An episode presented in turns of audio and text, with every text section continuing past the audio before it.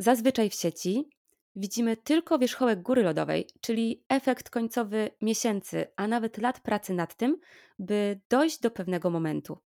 Żyjemy w takim instant świecie i oczekujemy, że przeróżne zmiany, czy to nawyków, czy sposobu życia, czy zmiany zawodowe, zadzieją się szybko, no i oczywiście bezboleśnie. A im ten proces trwa dłużej, tym wzrasta nasza frustracja, spada pewność siebie, plus wiara w to, że może się w ogóle kiedykolwiek udać. No i w dodatku, te obrazy osób, którym się udało, nie ułatwiają nam pracy, szczególnie kiedy jesteśmy w takim czasie zwątpienia. Misją podcastu Slow Talks jest odczarowywanie różnych naszych przekonań i pokazywanie różnych perspektyw na życie. A co najważniejsze dla mnie, pokazywanie tego całego procesu, żeby przypominać nam wszystkim, że no właśnie, zmiana to proces. W tym odcinku goszczę Magdalenę Cichoracką, ex-event menadżerkę, a obecnie nauczycielkę jogi oraz współwłaścicielki, współwłaścicielkę Galerii Sztuki w Poznaniu. Prywatnie bardzo bliską mi duszę. Zaprosiłam Magdę właśnie po to, by zobrazować, jaką drogę przeszła przez ostatnie kilka lat i żeby pokazać, że nie zawsze trzeba od razu zrywać ze swoją zawodową przeszłością. Pogadamy o tych momentach zwątpienia, o tym, co jej pomagało i co teraz jest jej największym wyzwaniem. Wierzę, że ta rozmowa zainspiruje do tego, żeby przyjrzeć się sobie i temu, czy jesteście w miejscu, w którym naprawdę chcecie być. Ułatwieniu tych wszystkich rozkminek, poza podcastem i treściami na moim Instagramie joanna.tobola, tworzę też przestrzeń slowtalks.pl, w której znajdziesz przeróżne narzędzia do pracy nad nawykami, nad przekonaniami, narzędzia pomagające w rozterkach i wyzwaniach związanych ze zmianą pracy, czy w budowaniu lepszych relacji ze swoimi bliskimi. W wolnej chwili zajrzyj i sprawdź, czy nie znajdziesz tam odpowiedzi na swoje pytania. Cześć Magda. Cześć Asiu. Bardzo się cieszę, że się tu widzimy. Szkoda, że nie w jednym pomieszczeniu, no ale trochę nam się to nagranie przyciągnęło, odkąd zgodziłaś się, żeby odwiedzić e, ten podcast. I słuchaj, mam nadzieję, że wybaczysz mi, że zaczniemy od takiej retrospekcji, czyli trochę od powrotu do początku roku 2020, bo myślę, że to będzie odpowiedni moment, bo to był taki czas, kiedy i na świecie, i w Twojej głowie dużo się działo i jakbyś mogła nakreślić, w jakim wtedy byłaś momencie zawodowym? Jak się czułaś? No i jak w sumie ten lockdown w marcu 2020 wpłynął na ciebie? No może zacznę od tego, że przez dłuższy czas przed lockdownem pracowałam właśnie w branży eventowej. E, no i jak wszyscy wiemy, to się wszystko skończyło wraz z dniem 31 marca 2020. Wtedy dokładnie dostałam wypowiedzenie. To nie była żadna wielka firma, żadna korporacja, tylko mała rodzinna firemka, mhm. E, gdzie bardzo dużo właściwie się działo. I ja już od 2019 roku, już, no już takie ostatnie pół roku dla mnie to było takie bardzo męczące. Już czułam takie straszne zmęczenie zawodowe, nie tyle co tą samą pracą, czyli tym, co wykonywałam, tylko bardzo przeszkadzała mi forma i ja właśnie strasznie cisnęłam szefa o jakieś home office, o jakieś. Zmiany w firmie, o jakieś rebrandingi, jakieś rzeczy po prostu takie, żebym e, ja troszeczkę czuła się lepiej w tej firmie, żebym miała e, jakąś możliwość rozwoju. Tego rozwoju chyba też mi brakowało. Bardzo, tak mi się wydaje, no ale też wciąż to po prostu przykucie do tego biurka, do tego jednego miejsca, ta praca mhm. na tym etacie, jakoś tak, no wydało mi się to po prostu po już tam tych e, sześciu czy siedmiu, już nie pamiętam ilu latach pracy takiej stacjonarnej na pełen etat, po prostu wydało mi się to, dla mnie to równało się więzienie, po prostu, że ja nie mogłam sobie wyjść w ciągu dnia, nie wiem, do sklepu, do lekarza czy coś, musiałam się spowiadać, po prostu zaczęło mi to strasznie doskwierać. Właściwie to był taki okres jakichś takich zmian, że udało mi się wynegocjować jakieś tam rzeczy, właśnie jakieś trzy dni home office'u w miesiącu, czy coś takiego, jakieś takie straszne głupoty. Mhm. Mm, no i wtedy właściwie przyszedł ten COVID. I, i, i tak yy, przez ostatnie tam dwa tygodnie marca ja byłam jeszcze na jakimś bezpłatnym urlopie czy coś takiego. Wróciłam po tym urlopie, dostałam wypowiedzenie. No jakby takie historie, że generalnie trochę szok, trochę niedowierzanie. Mhm.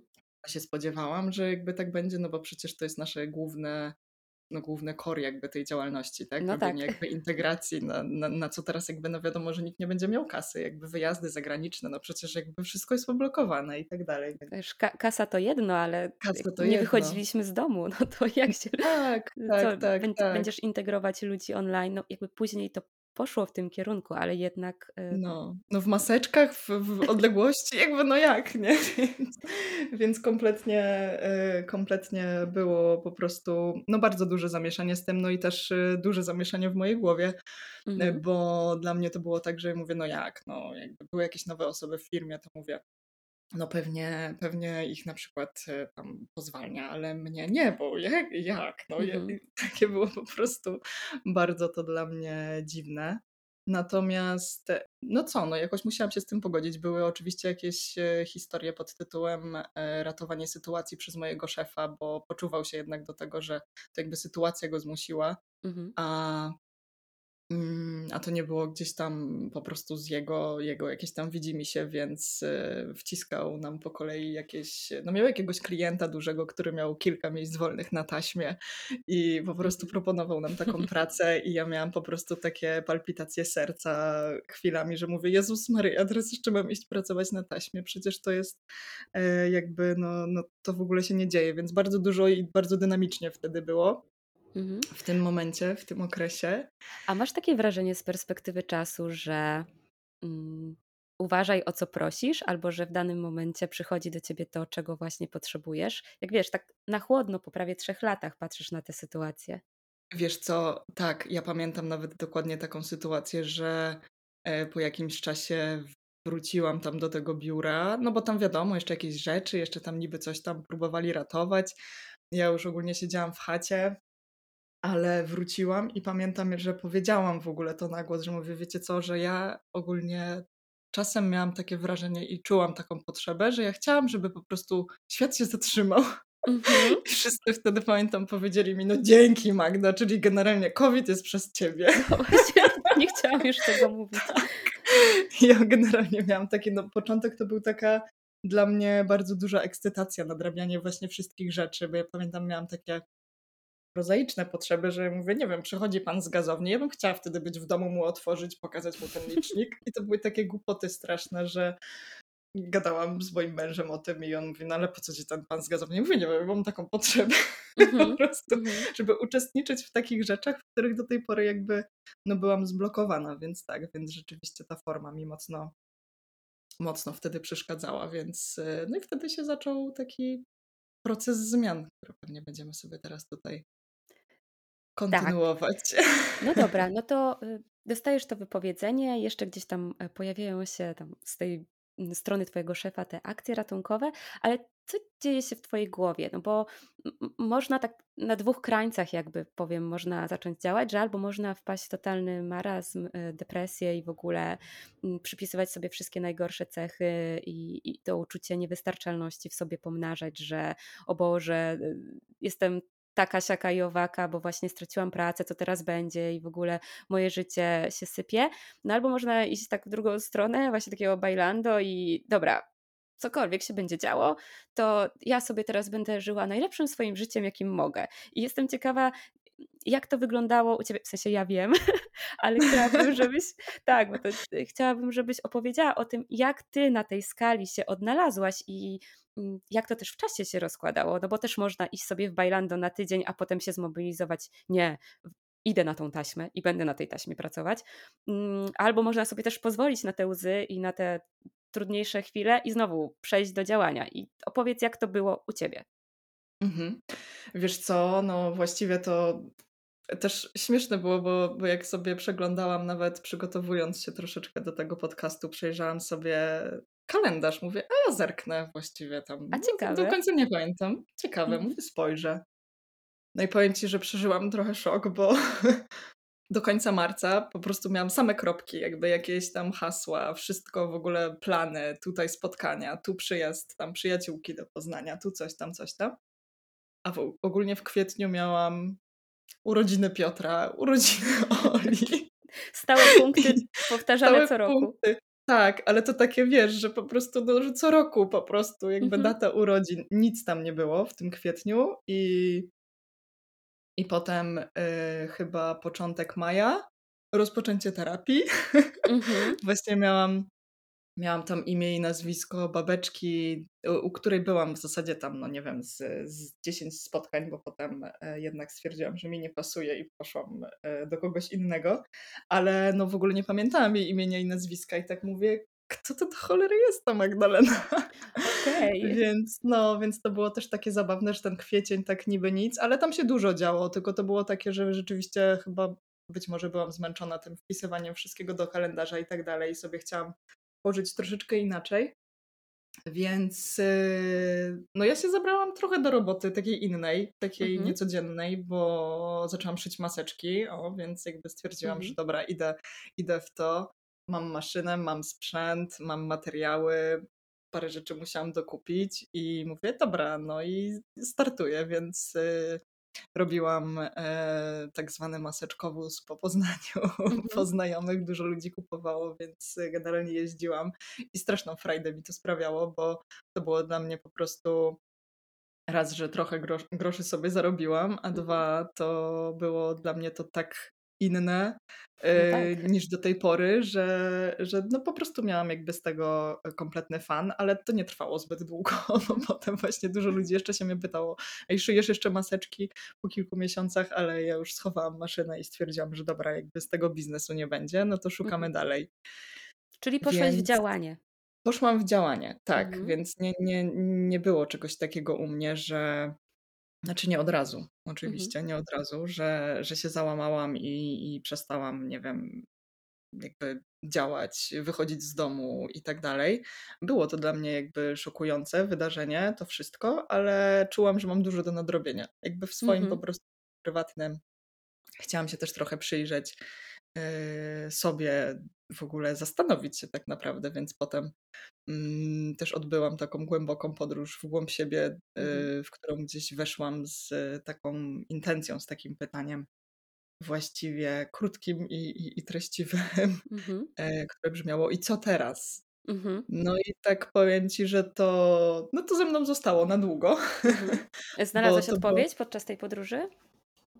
Podczas tej podróży nie. Mhm. Absolutnie, absolutnie nie. Natomiast, e, znalazłam takie punkty, które pokazały mi kierunek i to Mhm. było to było bardzo fajne. To były takie, mm, bardzo dużo metaforycznych się rzeczy działo w Mhm. tamtym w tamtym momencie, mm, co tak naprawdę ja odczytałam tak, y, jakby to było czarno na białym, a to wcale takie nie było. Tam była po prostu cała paleta barw i i i można było to też od razu zrozumieć inaczej, ale dla mnie to było albo w jedną, albo w drugą.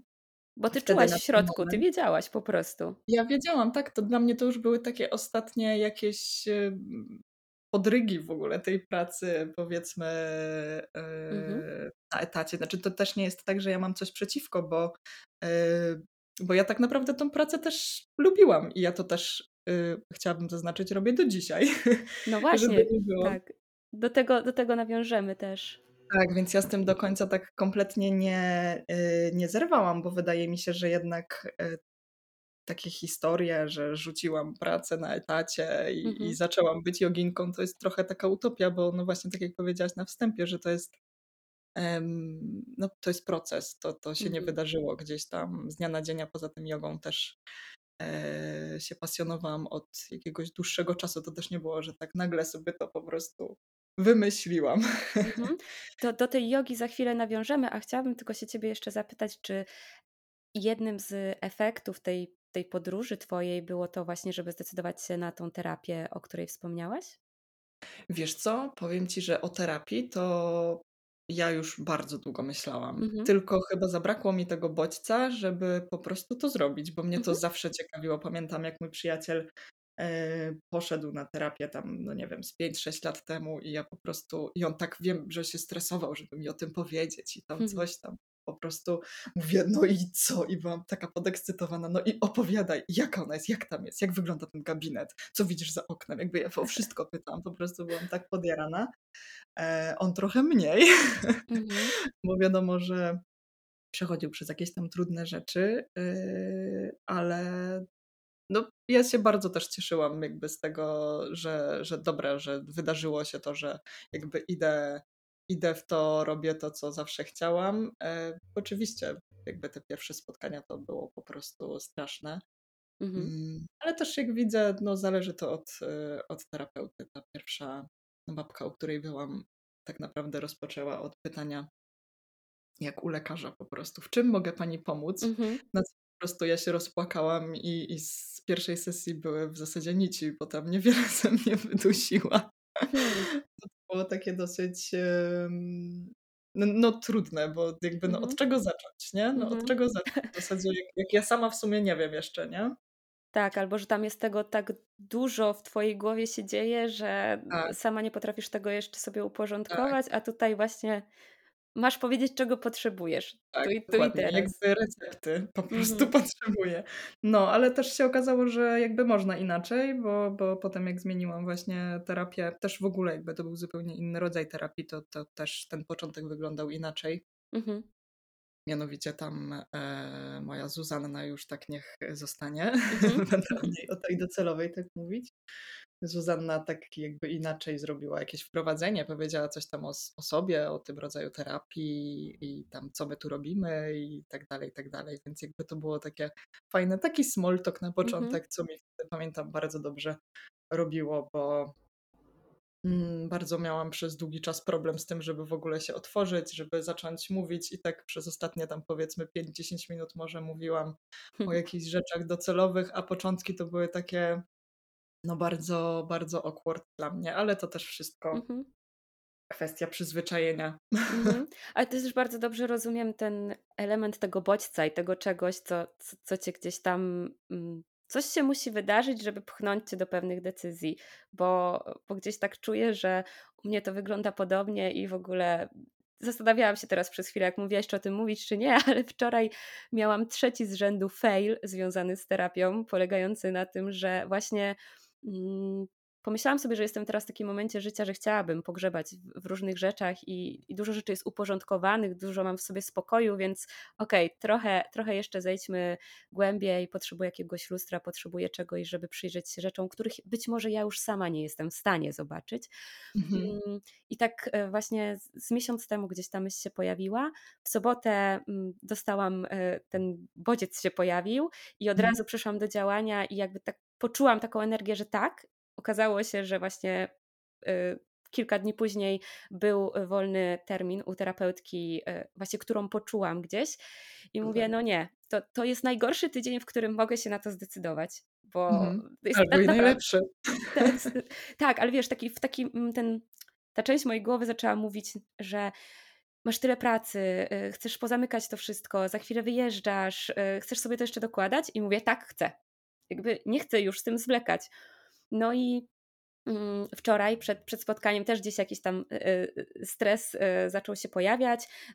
Zainspirowana tobą, słuchaj, zainspirowana tobą, bo ostatnio sobie wymieniałyśmy wiadomości i, i ty mi powiedziałaś o tym, że gdzieś zapisałaś sobie na początku tej swojej drogi kilka tych punktów, które chciałaś przejść, i, i później po zakończonej terapii, bo, bo jesteś już po zakończonej terapii, też do tego wróciłaś, podsumowałaś sobie, zmeczowałaś to, i ja właśnie jak poczułam ten bodziec, to mówię, to ja sobie zapiszę. To już zrzucę to z głowy, więc ja sobie zapisałam te punkty, bo nie chciałam sobie wrzucać na banie, oj, od jakiego pytania się zacznie, co będę miała powiedzieć, ale dla samej siebie chciałam zrozumieć, po co idę.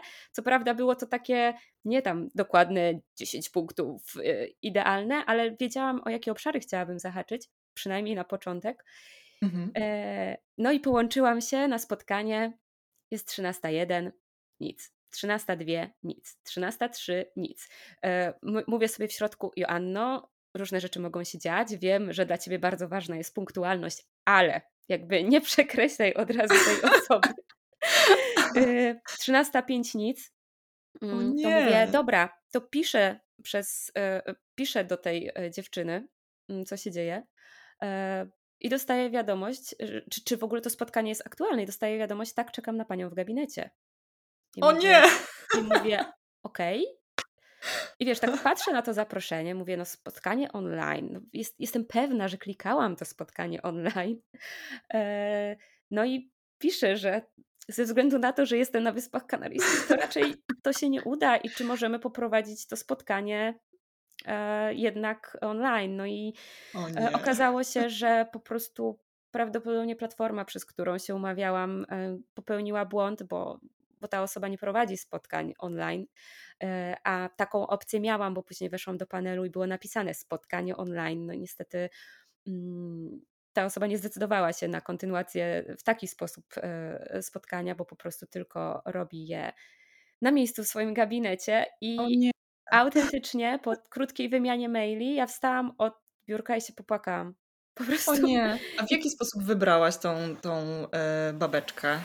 E, wiesz co? Posłuchałam, polecił, czy... posłuchałam nagrania pewnego podcastu i gdzie ona była gościnią i poczułam jakiś taki vibe. Mhm, okay. Zrobiłam mały research i, i zobaczyłam, że gdzieś tam coś poczułam. O, coś okay, poczułam. Dobra, dobra. E, no. To był ten bodziec, ale też, też właśnie poczułaś, że być może to jest to, żebyście się po prostu dogadały, a to jest super ważne. Wa właśnie dokładnie to no. poczułam i po prostu wczoraj wyszłam po 15 minutach spokoju i idę do mojego męża, cała zaryczana i pierwsze co mówię, wszystko jest okej, okay, zaraz ci opowiem.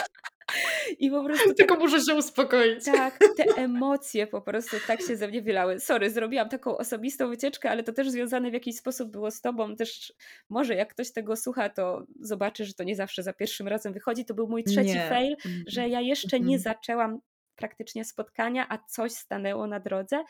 E, oczywiście pojawiły się myśli, mmm, może to znak, albo no, no. że e, tak. E, stwierdziłam, że dobra, jakby daję sobie w tym tygodniu jakby odpuszczam sobie pójście w to dalej, ale, ale wracam po kilku dniach y, jakby wyłączenia się ze świata i, i prawdopodobnie wtedy będę chciała zrobić to czwarte podejście, ale po prostu nie wierzyłam w to, mm, co się wczoraj y, stało. I ja pamiętam, jak ty w trakcie swojej terapii wspominałaś o, o Zuzie y, i, i, I czuć było, że tam między wami zaiskrzyło. W sensie zaiskrzyło może nie jest najbardziej trafnym słowem w relacji e, pacjenta i terapeuty, ale że po prostu, no właśnie. E, Zaklikało, o, zaklikało, może trochę lepiej. Tak, a ty dostałaś bezpieczną przestrzeń do tego, żeby właśnie w końcu się otworzyć. I tak. nie tylko na terapeutkę, ale po prostu na siebie, bo myślę, że to jest też tym blokerem, że to nie chodzi o tą drugą osobę, tylko tak de facto chodzi o otwarcie na siebie. Tak, no zdecydowanie, no tak naprawdę no nie wiem, ja uważam, że jeżeli będziesz miała czwartą okazję, mhm. która też będzie nieudana i będzie piąta, szósta, siódma, to którąkolwiek jakby złap, jakby naprawdę, bo to jest najlepszy prezent, który po prostu można sobie sprawić. Takie, mhm. takie jest moje zdanie. Ten wątek tak nam się otworzył i myślę, że on jest też w jakiś sposób kluczowy w kontekście tego, że nie pracowałaś nad tym sama, że gdzieś udałaś się też, że udałaś się po wsparcie do E, specjalistki i, i że gdzieś tam miałaś tą drugą osobę, która w jakiś sposób mogła ci pokazać też różne perspektywy i po prostu gdzieś pomóc ci wydobyć to, co jest w tobie, no bo ja bardzo wierzę w to, że odpowiedzi są w nas. Tylko czasem, czy potrzebujemy narzędzi, czy po prostu jakiejś osoby, która może sprawić, że one będą wybrzmiewać. Tak, i to też myślę, że no to na pewno dużo, dużo zależy od y, rodzaju terapii, na który się zdecydujesz, od osoby, która, która prowadzi, jak się okazuje, też na przykład od płci, bo mhm. na przykład też jak rozmawiałam z, z przyjaciółką, czy, czy, czy z moją siostrą, nawet to też takie było, że pojawiają się te rozkminy właśnie jakby, mhm. a kogo byś wybrała, faceta czy kobietę na przykład, nie? No dla mnie na przykład Dwa razy to była, e, to padł wybór na, na kobietę, ale tak e, nie zrobiłam tego z. Um, to nie był główny wyznacznik. To nie był główny mhm. wyznacznik, ale też nie zrobiłam tego na poziomie świadomym, mhm. tylko to było jakieś takie podświadome, bo mhm. rzeczywiście ja miałam dużo takich tematów e, swoich, takich kobiecych, żeby tą gdzieś po prostu no, wrócić do tej swojej kobiecości, do, tej, do tych mhm. swoich jakichś takich potrzeb właśnie no, typowo babskich, o których po prostu przez ostatnie lata e, zapomniałam i mhm. wydaje mi się, że gdzieś ta energia męska mną bardziej mhm. dominowała mhm. i ja tak się bardzo też wycofywałam z tego grona nawet kobiet, że w ogóle ja tam nie będę gadać o kosmetykach, o szmatach w ogóle, to mnie nie interesuje w ogóle, ja nie jestem taka i tak dalej, więc mhm. jakby ale no jednak mimochodem gdzieś pamiętam, no Zuzanna tam od samego początku mi cisnęła o to, o jakieś y, przypominanie sobie, nie wiem, jak to było w domu rodzinnym, bo przecież jakby my trzy baby i, Mhm. i, i ojciec i tak dalej. A ja wiesz, po prostu jakby w ogóle tego kompletnie nie rozumiałam. Ona o tej kobiecości tam myślę, że dosyć szybko gdzieś mnie zlustrowała. Ale dopiero, no gdzieś tak śmiało mogę powiedzieć, że przy końcu terapii zaczęłam się tykać tych tematów i, Mhm. i, i w ogóle o tym, e, o tym rozmawiać. Także mm, no dużo, dużo, dużo różnych historii, ale też a propos chciałabym ym, nawiązać do tego, co powiedziałaś, że dużo odpowiedzi mamy w sobie. Mhm. To faktycznie tak jest, że no z tego co słyszałam, to niektórzy terapeuci jakby no są tacy, że podpowiadają, że naprowadzają, albo po prostu, nie wiem, na przykład moja siostra miała takiego terapeutę, który po prostu non-stop jej podrzucał jakieś książki w ogóle, co dla mnie było ciekawe też. Yy, na zasadzie, no nie wiem, że w tej książce na przykład być może znajdzie pani odpowiedź i jakby, no nie wiem, no dla mnie to też taka nowość. A moja Zuza bardziej właśnie szła w tym, e, w tym kierunku, że no przecież jakby zna pani odpowiedź, Hmm. albo no przecież ma pani tą odpowiedź jakby w sobie i ona już naprawdę w takich bardzo skrajnych sytuacjach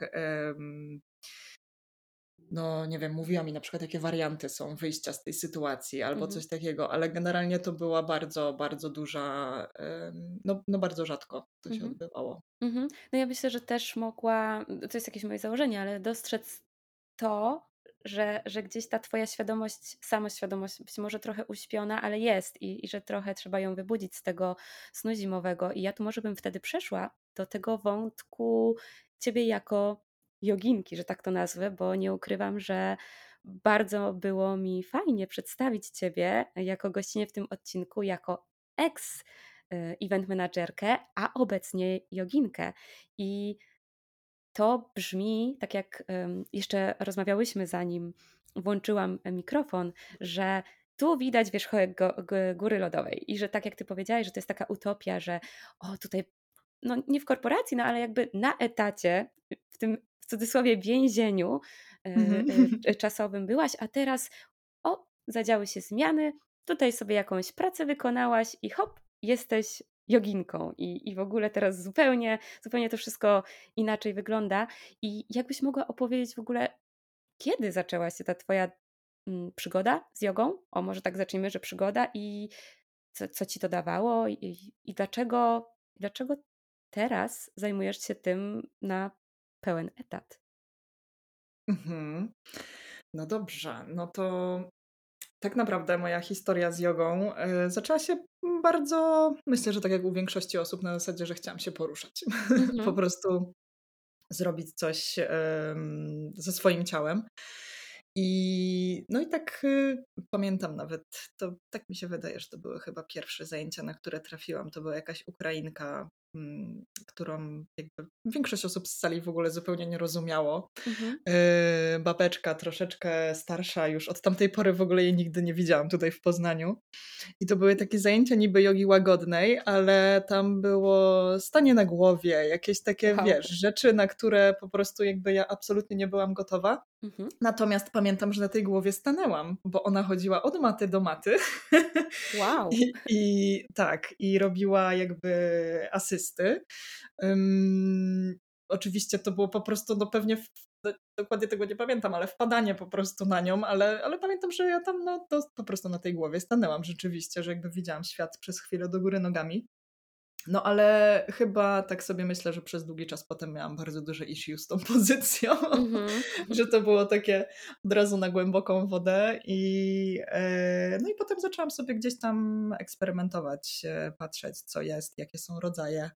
E, I mój przyjaciel właśnie kiedyś tam znalazł jakiś taki przyspieszony tam kurs y, asztangi, co miało raczej na, za, za zadanie e, troszeczkę zachęcić ludzi do tego, żeby rozpoczęli tą praktykę i potem były oczywiście jakieś tam zniżki na karnet, coś takiego, więc Mhm. jakby ja zaczęłam się tak trochę tym interesować, spodobało mi się to, Mhm. jak poszłam na te jedne zajęcia, jakieś takie bardziej warsztatowe, no i tak właściwie to zostałam i szczerze mówiąc e, ta asztanga była tak y, od samego początku do, aż do tej pory, aż do kursu nauczycielskiego i no tak została ze mną do teraz, więc to jest ciekawe, bo jakby eksperymentowałam z różnymi rodzajami jogi i lubię też inne rodzaje, jakby bardziej wyciszające in jogę, hatha jogę i tak Mhm. dalej, też zresztą takich uczę.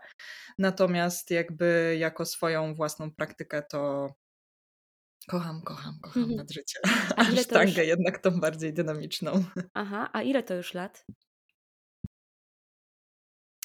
Myślę, że ja właśnie często się nad tym zastanawiam, ale wydaje mi się, że może być już z 10 lat. Natomiast jakby te pierwsze lata rzeczywiście były takie, przyznam szczerze, yy, niczym więcej niż yy, treningiem. Mhm. Dopiero tak naprawdę też dużo się zmieniło w mojej praktyce yy, w czasie lockdownu. Ja myślę, że do tego będę dużo też yy, i, bardzo często wracać, bo, bo to był gdzieś tam ten taki bodziec, już o którym tutaj też rozmawiałyśmy, e, do tych wielu zmian. No i też e, te zmiany nastąpiły nawet w mojej praktyce, no, że zaczęłam jakby też medytować, no to też jest yoga. Zaczęłam bardziej spoglądać właśnie w głąb, e, w głąb siebie, w głąb tej praktyki, która była do tej pory taka, no tam raz w tygodniu, raz na jakiś czas, ale no jakby rzeczywiście od tych 10 lat nie miałam jakiejś dłuższej przerwy. A czy ty w ogóle miałaś taki moment, w którym na przestrzeni tych lat pomyślałaś sobie, że to mogłoby stać się twoją pracą? Miałam. Myślę, że gdzieś tam takie początki y, takich myśli, y, no pewnie z jakieś 2-3 lata, y, 3 lata przed, y, przed lockdownem. Życie tak, przed lockdownem, tak. życie po lockdownie. to jest jak narodzenie Chrystusa. Tak, tak sobie właśnie o tym myślę. No. Tak, yy, myśl, tak, były takie myśli, natomiast jakby to, co mnie blokowało, to była przede wszystkim myśl, że mi się zawsze wydawało, że to się wiąże z wyjazdem do Indii, Mhm. jakby z perfekcyjną znajomością języka angielskiego, z y, po prostu wyjazdem na parę miesięcy, że tylko tam się robi takie rzeczy.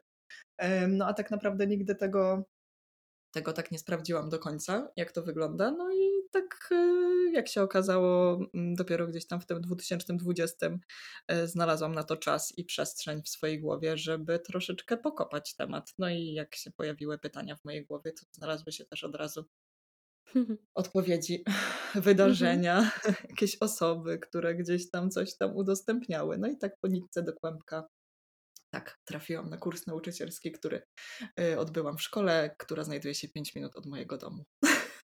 Czyli wszystko tak y, się ze sobą połączyło, że sprawiło, że w tym momencie, tak jak powiedziałam wcześniej, może nie jest to najbardziej trafne ujęcie tego, ale że na, już na ten pełen etat możesz po prostu uczyć y, tej praktyki i dzielić się z ludźmi y, tym, czego ty się nauczyłaś przez te wszystkie lata. Tak, tak. I to jest bardzo wspaniałe, bo też ym, no wiadomo, to nie jest tak, że kończy się ten kurs i jest się gotowym na to, żeby nauczać i od razu w ogóle jakby jestem wow, super nauczycielką. Jakby w Mhm. ogóle zresztą słowo też y, nauczycielka dla mnie jest takie bardzo jakieś poważne, że ja tak nie do końca jakby czuję się, żeby tak się w ogóle nazywać. Albo tak samo mam problem z y, joginką, bo też nie wiem, nie jestem na tyle oświecona, żeby, żeby aż tak o sobie mówić. No ale to też wiadomo, jest kwestia indywidualna. Natomiast y, no, to jest bardzo fajny początek, ten kurs nauczycielski, żeby potem rozpocząć tą przygodę, bo potem się pojawia, jak się okazuje, bardzo dużo jeszcze y, no, innych case'ów, które się przerabia, tak, że masz tą grupę, nie wiem, 10, 15 czy nawet 5 osób albo po prostu pojedyncze osoby i jak ty z nimi pracujesz, jak się czujesz w ogóle będąc tam na macie i mając poprowadzić te zajęcia i czy oni widzą to, że y, nie wiem, coś tam zrobiłaś źle, albo że no jakby no po prostu pojawia się mnóstwo takich rzeczy, na które no wcześniej no nie zdawałam sobie sprawy, że, że będę w ogóle o tym myśleć, y, albo że za szybko pędzę, albo że za wolno, albo że coś, jakby no po prostu no, mnóstwo jakichś różnych, e, różnych rzeczy, ale tak fajne jest to, że mm, rzeczywiście no teraz uczę, Mhm. Mm, Uczę w różnych miejscach. y, Uczę, w zasadzie moja przygoda zaczęła się od y, przedszkoli. No To w tak. zasadzie, tak, to się zaczęło od przedszkoli. W sa- w zasadzie też y, jak y, no, rozpoczęłam ten kurs nauczycielski, to właściwie też już się pojawił jakiś taki kontakt. I stwierdziłam, że w sumie czemu nie. Myślę, że tutaj akurat najważniejszą rzeczą było to, że ja właściwie lubię dzieci. Mhm. Ta yoga to jest taka, taka rzecz wtórna, że wiemy, zrobię z nimi tam tego, tego psa z głową w dół, w górę i tak dalej.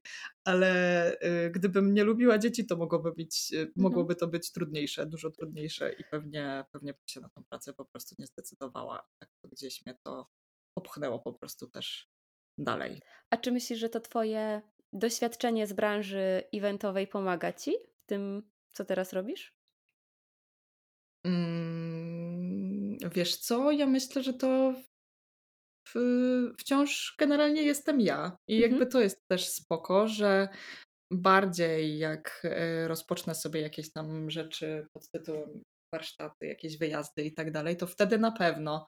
Teraz jeszcze tego nie robię, natomiast jakby no te, to doświadczenie z tej branży eventowej yy, to po prostu pokazuje, że mam jakiś taki E, zamiłowanie do organizacji. Mhm. I to też jakby pozwala mi mm, ogarnąć się w tej takiej czasoprzestrzeni, w tym takim życiu. No ja to nazywam wciąż no, takiego freelancera tak naprawdę, mhm. tak? Bo gdzieś tam ja jestem teraz yy, wolnym zarządczynią. Tak, dokładnie, wolnym strzelcem i zarządzam jakby swoim własnym e, czasem dnia, czasem pracy. I, mhm. I myślę, że tak, tylko miałam, miałam na pewno taki moment, że po prostu za bardzo się rozluzowałam i mhm. E, wtedy też pamiętam, wałkowałam te tematy z Zuzanną. I ona tak mi pamiętam powiedziała, że no pani Magdo, po prostu pani musi się ze sobą na coś umówić. I to było dla mnie takie szokujące, że ja mówię, no tak, no jakby no jak ja się ze sobą nie umówię, że że nie będę wstawać rano, no to po prostu to się nigdy nie wydarzy. No i tak, dokładnie. Ja mówię, no po prostu, że jakby to były takie bardzo no, prozaiczne rzeczy, ale takie e, no, trafiające w punkt. No wiesz, czasami czekamy, aż przyjdzie ten znak od losu, albo aż pojawią się jacyś ludzie, którzy coś zrobią, a de facto to my mamy tą sprawczość w rękach. Dlatego potrzebujemy umówić się finalnie na coś ze sobą. I gdzieś ostatnio dosyć często w jakichś wątkach, którymi ja się zajmuję, przeplata mi się taka myśl, że przecież żyjemy w takiej przeświadczeniu trochę, że jak nie podejmujemy decyzji, to po prostu dajemy sobie czas na to, żeby jeszcze się ułożyło w głowie, y, żeby może coś jeszcze więcej zobaczyć, ale de facto niepodejmowanie decyzji jest też podjęciem decyzją, decyzji, że tej decyzji nie podejmujemy. Wiem, masło maślane, ale nie podejmując żadnego działania, ty podejmujesz decyzję o braku działania. I to tak. Tak, mhm. i, i, to jest takie właśnie mm, fajnie moim zdaniem złapać się na tym, żeby zrozumieć, że odwlekanie tego w czasie albo dawanie sobie jeszcze tej chwili, to wciąż jest decyzja. Więc musi przyjść ten moment, na którym zdecydujemy się na to, co my, w którą stronę właściwie chcemy iść, żeby coś się mogło zmienić. No bo bardzo duża szansa, że jak nie podejmiemy żadnego kroku, to po prostu będziemy wciąż w tym samym miejscu. Dokładnie, a jeszcze nawet ja mam też takie doświadczenia, że jeżeli ja tą, ten moment decyzji odwlekam, to też jest często tak, że e, po prostu ktoś tą decyzję podejmie za mnie, albo, albo tak. po prostu natrafi się jakaś, jakaś taka okazja, którą ja bez jakby większej refleksji po prostu złapię, a do końca to na przykład może nie być nie być to, czego akurat potrzebowałam, bo po mhm. prostu wyjątkowo dużo czasu na to nie poświęciłam, żeby się nad tym zastanowić, czego ja mhm. teraz na przykład potrzebuję, więc jakby też mam takie doświadczenia z tym i na to też trzeba uważać. Tak, dokładnie. Nawiązałabym jeszcze też do tego, co się działo w Twojej głowie, bo tak, rozpoczęłyśmy od tego. E, tej, tego dnia zero, czyli lockdownu w marcu 2020. Teraz przeskoczyłyśmy do chwili obecnej, a jeszcze chciałabym trochę zahaczyć o to, co się działo po środku. I tak jak pamiętam, jak w zeszłym roku wymieniałyśmy między sobą y, podcasty na WhatsAppie, tak jak my to nazywamy, długie wiadomości, to co się u nas dzieje, to pojawiał się właśnie tam wątek też takich Twoich rozterek, y, takiego bycia trochę na rozdrożu, bo z jednej strony ta branża eventowa no, odżyła już. I, I z powrotem można było tam, tam działać, i z powrotem można było wrócić do, do tej pracy pełnoetatowej tam, a z drugiej strony byłaś już po kursie nauczycielskim i i coś cię ciągnęło, albo właśnie przychodziły te różne rzeczy, które zapraszały cię do tego świata coraz bardziej. I jakbyś też mogła powiedzieć, co wtedy działo się w twojej głowie, na tym rozdrożu. No na tym rozdrożu to wtedy działo się bardzo dużo. Mhm. bardzo dużo było wątpliwości, bardzo dużo takich też e, sygnałów nawet, e, no nie wiem, nawet z zewnątrz, e, no czy ze środka, że po prostu ja tej pracy, chociaż na te pół etatu, po prostu potrzebuję. Mhm. Więc, ym, więc tak naprawdę zaczęłam się, to znaczy w ogóle też nie wspomniałam o tym, że te trzy miesiące po lockdownie, to może od tego zacznę. Te trzy miesiące po lockdownie właściwie zatrudniłam się gdzieś, gdzieś, mhm. to znaczy w ogóle w branży yy, odzieżowej. No tak. Co było dla mnie jakby też yy, no, nowością. Znaczy, no dobra, pomijam pracę tam w Reserved czy gdzieś tam w innych mhm. dużych sieciach, jakby na studiach. yy, ale to była taka inna praca, że ja tam planowałam jakby logistykę i tak dalej, ale to była branża odzieżowa wciąż, co też było takie ciekawe, że ja tą e, umiejętność e, organizacji właśnie tych rzeczy, no te rzeczy, które się nauczyłam tam pracując w eventach, mogłam przenieść sobie na po prostu planowanie szycia w szwalni na no przykład. No tak. To też było takie mhm. dla mnie ciekawe, że mówię, kurczę, że to jest niezłe. To też tak, no pojawiła mi się gdzieś tam właśnie ta opcja i to było to coś właśnie, za czym ja poszłam, a nie do końca jeszcze miałam Y, przemyślane tematy w głowie, mhm. co dalej robić. No i tak właściwie ta przygoda też trwała właściwie gdzieś no z rok. Myślę, że z rok trwała. To była taka praca no mm, Ciężko stwierdzić na jaki etat. To było bardzo na luźnych zasadach. Pracowałam sobie praktycznie przez większość czasu z chaty, ale na początku było dosyć intensywnie, dużo miałam tej pracy, powiedzmy tam, no nie wiem, jakieś pół etatu pewnie by było, mhm. a potem, e, a potem e, no było tego coraz mniej, ale ja wciąż miałam takie poczucie, że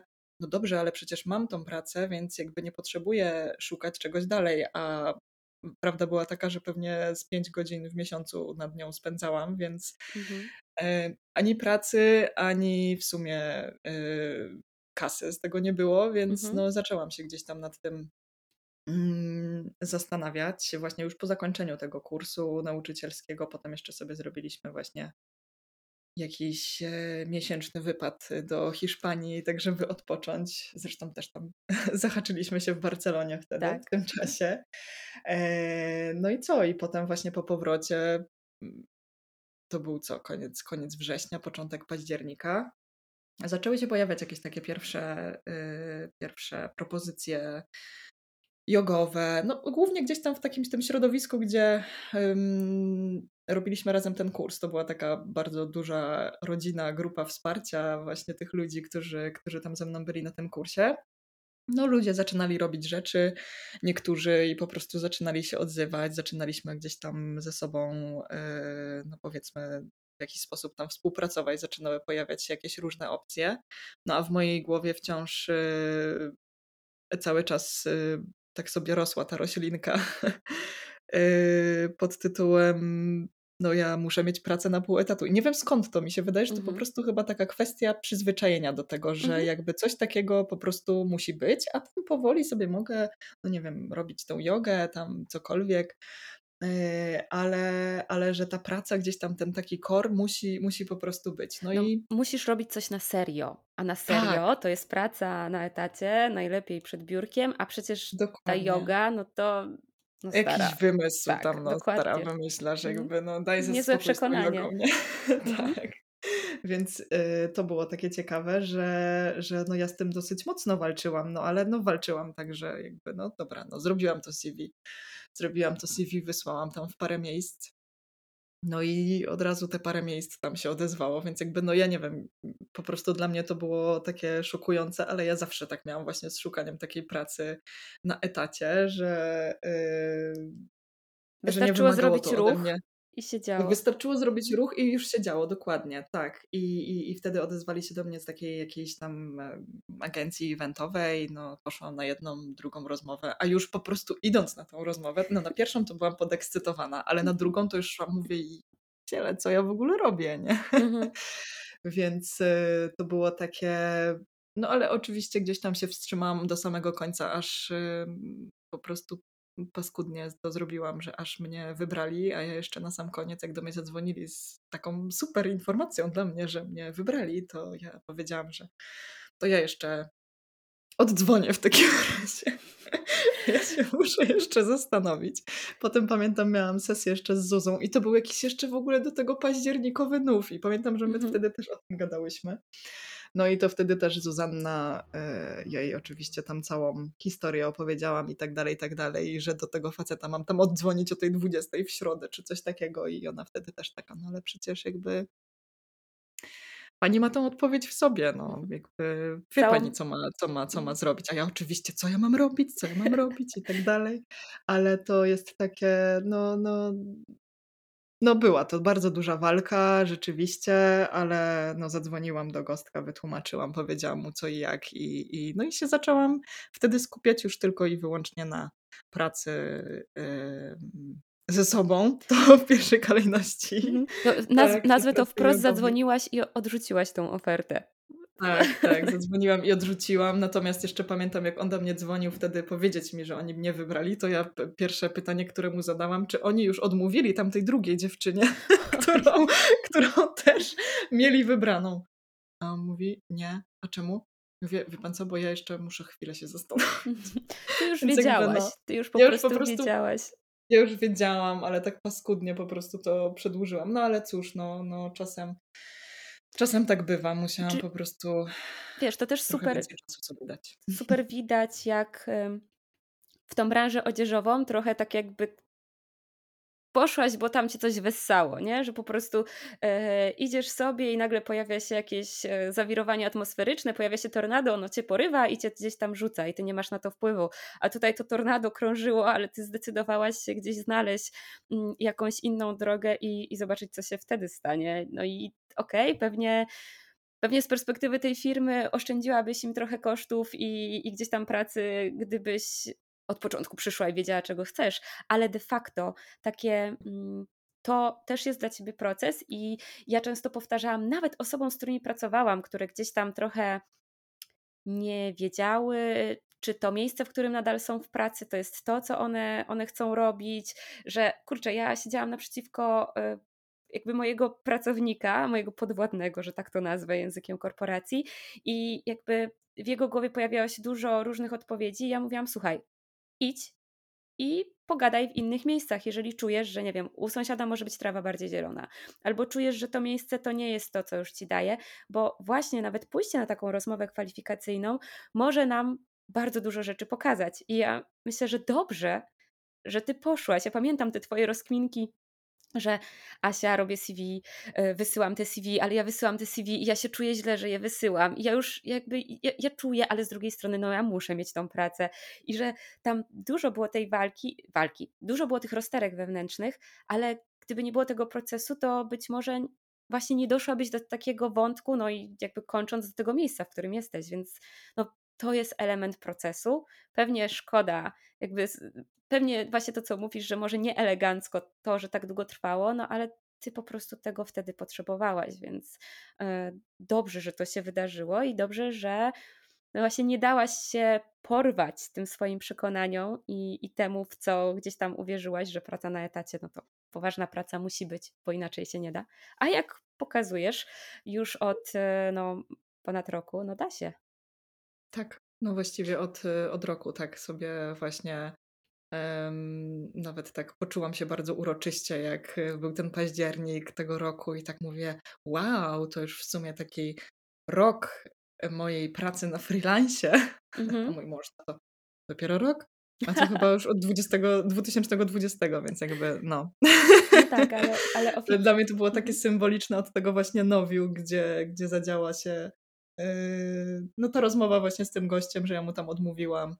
A to Mhm. też jakby no koleś gdzieś tam w moim wieku, ale właśnie z nim miałam tą drugą rozmowę i tam zaczęliśmy już wchodzić w takie bardziej e, tematy szczegółowe dotyczące właśnie tej pracy i ja pamiętam wtedy, no pamiętam jak dziś, że mówię, kurczę, no to jest po prostu jakby no nie, już, Mhm. już chyba nie czuję się na siłach, żeby właśnie i dużo wyjeżdżać i, i po prostu wszystkie weekendy być poza domem, bo tam jakaś firma ma jakiś swój evencik, trzeba będzie ładnie się ubrać, ja tam prostu, nie wiem, wolę sobie polatać w leginsach wtedy i no i tyle. I, i, I faktycznie wydaje mi się, że tak jak dokładnie powiedziałaś, że być może to było potrzebne, żeby po prostu to wykreślić, żeby usunąć się z e, subskrypcji pracuj.pl i tak dalej, żeby po prostu jakby wyrzucić to z głowy ze skrzynki pocztowej i, mhm.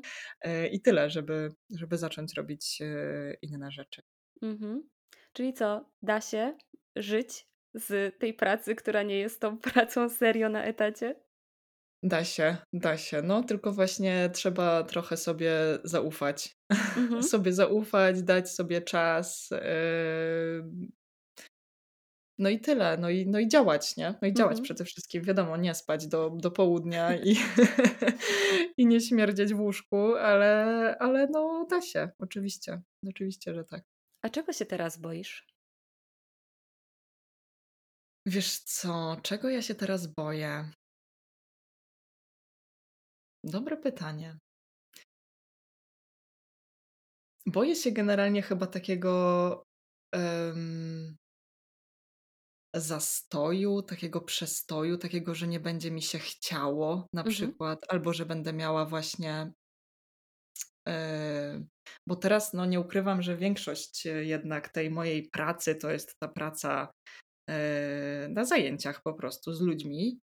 I no, druga taka też część, o której jeszcze nie wspominałyśmy, ale to jest właśnie ta galeria.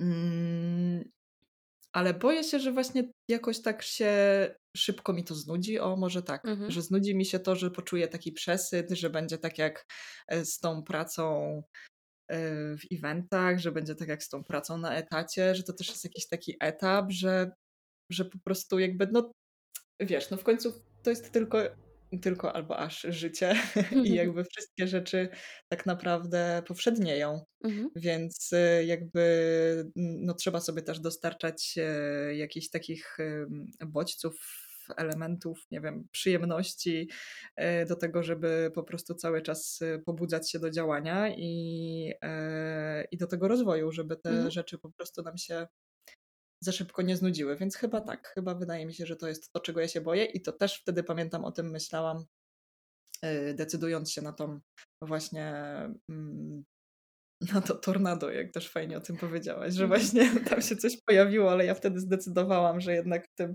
e, nie dam się przez to wciągnąć, ale, ale wtedy też e, pamiętam, miałam takie myśli, że wezmę sobie tą pracę jednak, bo to ta yoga wtedy szybko mi się nie znudzi. I, no ale jednak jej nie wzięłam, więc yy, no i mija rok i jakby no nie znudziła mi się. Mhm. No właśnie, a co robisz? Co, co robisz, żeby, żeby gdzieś tam się pobudzać, żeby to działanie było obecne i, i żeby czerpać z tego miejsca, w którym jesteś teraz? Mhm.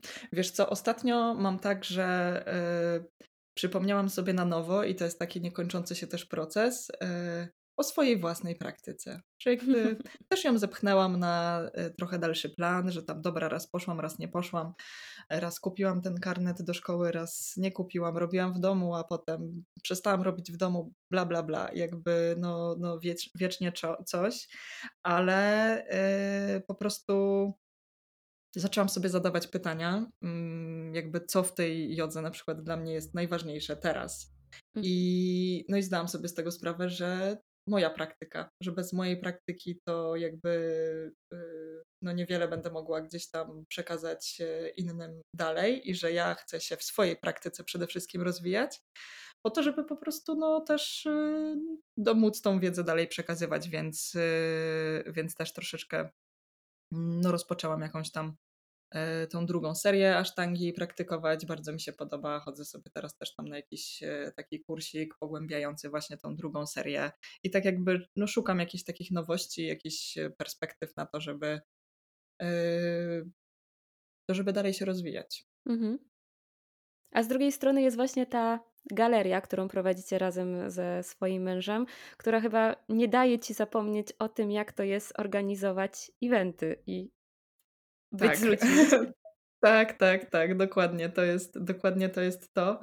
Eee, to jest właśnie ta czasem się śmieję, że właśnie to jest ta moja praca. Taka, mhm. że właśnie ja to, ja to właściwie lubię, bo ja jednak jestem trochę taki pracuś i, i ja po prostu jak usiądę, jak się skupię, to, to, to mój mąż właśnie się ze mnie śmieje, że po prostu nic nie można do ciebie mówić, że w ogóle nawet nie można chodzić, bo ty po prostu siedzisz i pracujesz i ty jesteś tak skupiona, że aż jestem po prostu zdziwiona. Mhm. Ale ja rzeczywiście tak mam i to jest ta moja troszeczkę taka odskocznia, bo ja też czuję, że to nie do końca jest y, gdzieś tam e, taki mój produkt, bo bardziej moja to jest, y, to jest yoga, a, mhm. a ta galeria jest taką moją pracą, w której jakby też super się odnajduję właśnie, ale w innych i realizuję, ale w takim innym jakby to powiedzieć, no w innym takim obszarze. O. Ja czasem mam wrażenie, bo obszarze. mamy dość podobną sytuację, w sensie nasi mężowie są artystami i, i mają gdzieś tam, są też różnymi osobami, nie, nie żeby artysta równa się taka sama osobowość, ale, ale gdzieś dużo się tego pierwiastka właśnie kreatywności, twórczości, czasem jakiejś frywolności e, pojawia w ich działaniu, a z drugiej strony my, e, e, które wyrosłyśmy na kanwie konkretnych zasad, technik, y, y, działania w organizacji, jakiegoś takiego flow, y, rytmu takiej, takiej, takiego pracy. I, mhm. i, I myślę, że jesteśmy gdzieś właśnie w takim w takim podobnym momencie balansowania albo właśnie szukania tego, że z jednej strony ta kreatywność i w Twoim i w moim życiu też jest obecna. Ja też postrzegam y, pracę nauczycielki jogi. Wiem, że nauczycielka to dużo, ale nauczycielka jogi jako właśnie taką, takie coś mocno kreatywnego, no bo Ty tworzysz coś, co, co dajesz ludziom, co się dzielisz, pokazujesz ludziom, jak mogą y, pracować ze swoim wnętrzem, ze swoim ciałem. Ja też czuję w mojej pracy y, dużo tego elementu kreatywności, ale z drugiej strony czuję się bardzo dobrze, kiedy są jakieś ramy, kiedy są jakieś zasady, kiedy jest jakiś rytm, kiedy właśnie mm, sama sobie daję deadline, sama sobie gdzieś tą y, poprzeczkę zawieszam wyżej i ja uważam, że to jest w sensie po moich dwóch latach życia w taki sposób ja czuję, że to jestem taka stuprocentowa ja, że takie czasem sprzeczności, które tak naprawdę razem, kiedy występują, to mogą dać coś super, bo, bo po prostu ta moja kreatywność może pomóc w konkretnych działaniach, a te konkretne działania mogą sprawić, że te kreatywne rzeczy po prostu ujrzą światło dzienne i będą się działy. Jestem ciekawa, czy masz podobnie.